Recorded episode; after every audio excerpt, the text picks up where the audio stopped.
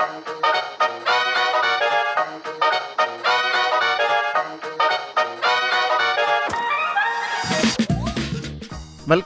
til Kulinarisk ølprat, podkastserien der du kan lære mer om øl og mat. Mitt navn er Junidar, og dette er jo første episode etter sommeren, så jeg håper du er klar for å gi ølet litt mer plass på matbordet.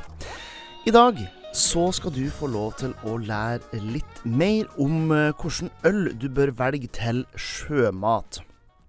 Og norsk sjømat er jo noe av det beste i verden. Eh, rett og slett. Vi er såpass heldige eh, at eh, vi har et matfat rett utenfor kystlinja vår på en helt unik måte, takket være Golfstrømmen, som er med på å holde varme og kalde strømmer i gang rundt, og gjør jo at det er et fantastisk vekstforhold for en av våre viktigste næringer, nemlig norsk sjømat. Um, så kan man jo diskutere litt fram og tilbake i forhold til uh, hvor bra det har vært med utviklinga i forhold til det her med oppdrett osv. osv. Men det er ikke noe tvil om at hvis du drar til utlandet og snakker om norsk mat, så er det her med eh, norsk fisk og sjømat det er noe av det første som, som dukker opp.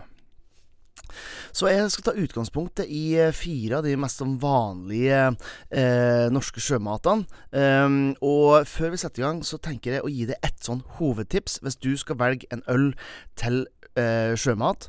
Og det er rett og slett å huske intensiteten på smakene når du skal velge en øl. Så det betyr at hvis du har en, eh, en lys og mild, lett eh, fisk, f.eks., så må du òg velge en øl som er lett og og ja, rett og slett ikke for smaksintens. Går du derimot for ting sånn som blåskjell, som har mer eh, salt og umami og intensitet i seg, da må du òg gå for en øl som er mer smaksintens.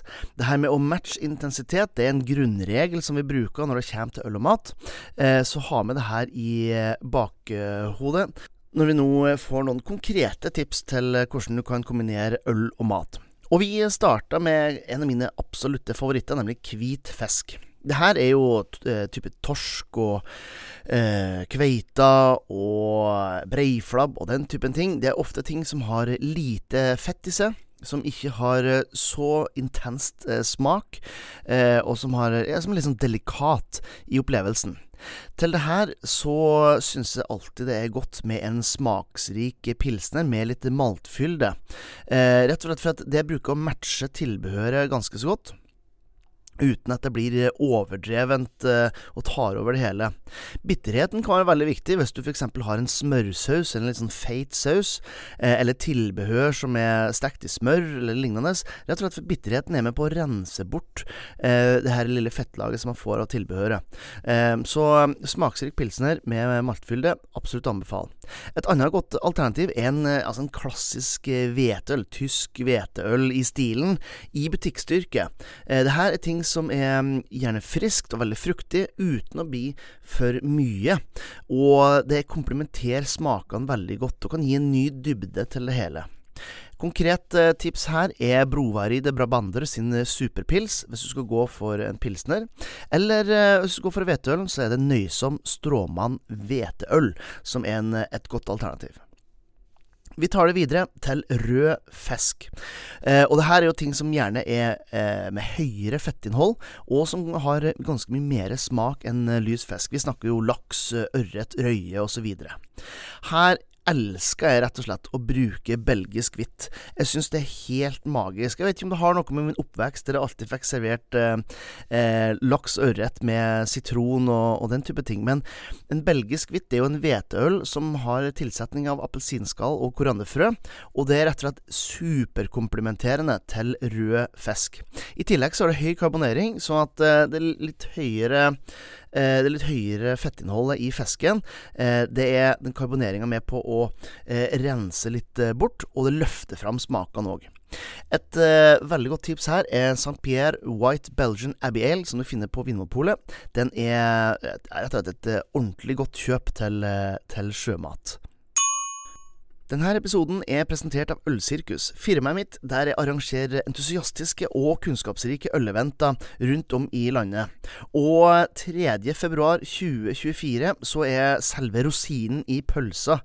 Eh, da er det nemlig kulinarisk ølsirkus, der eh, nesten 200 mennesker skal få lov til å kose en hel kveld sammen med fem bryggerier og få servert øl og mat i herlig kombinasjon. Du kan lese mer om det på olsirkus.no. Eh, Eh, eller du kan ta og sjekke ut Facebook-sida for kommende smakinger, middager, eventer osv. Vi går eh, videre til eh, noe som jeg syns er eh, nesten litt undervurdert her i Norge. Vi tar det litt for gitt, nemlig reker. Det her er jo salt og søtt på samme tid, eh, og ja, er erketypisk for sommeren. Sjøl om jeg personlig syns det er best når det nærmer seg vinter eh, og det er litt kaldere i havet, sånn at rekene får litt mer smak. I gamle dager så var det over 100 rekemottak i Norge. Nå er det bare to, så kjøp norske reker og støtt opp om en eh, bransje som har hatt fantastisk store endringer. Eh, ikke nødvendigvis i en eh, positiv forstand. Til det her så går det nesten alltid til en klassisk Hefeweizen.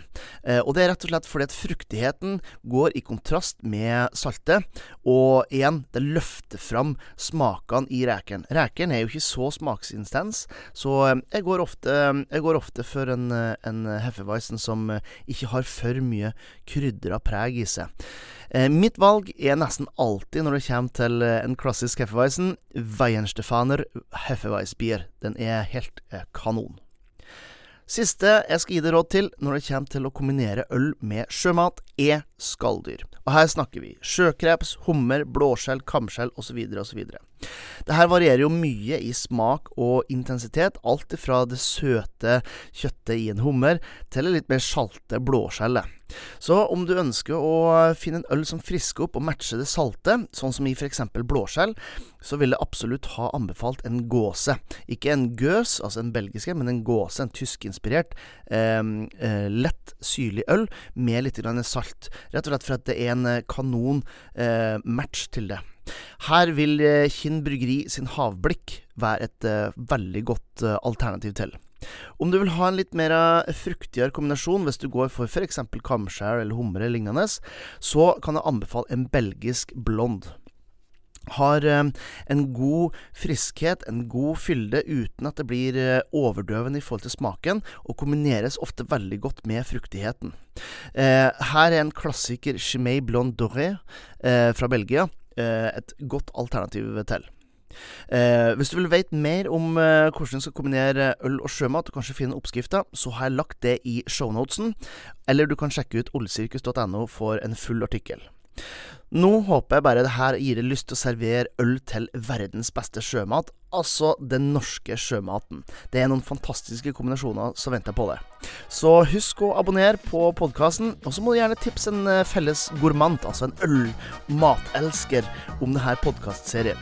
Så får du huske til neste gang vi høres, at livet er for kort for å drikke dårlig øl og spise kjedelig mat. Så la oss eh, nyte god drikke, god mat og godt selskap.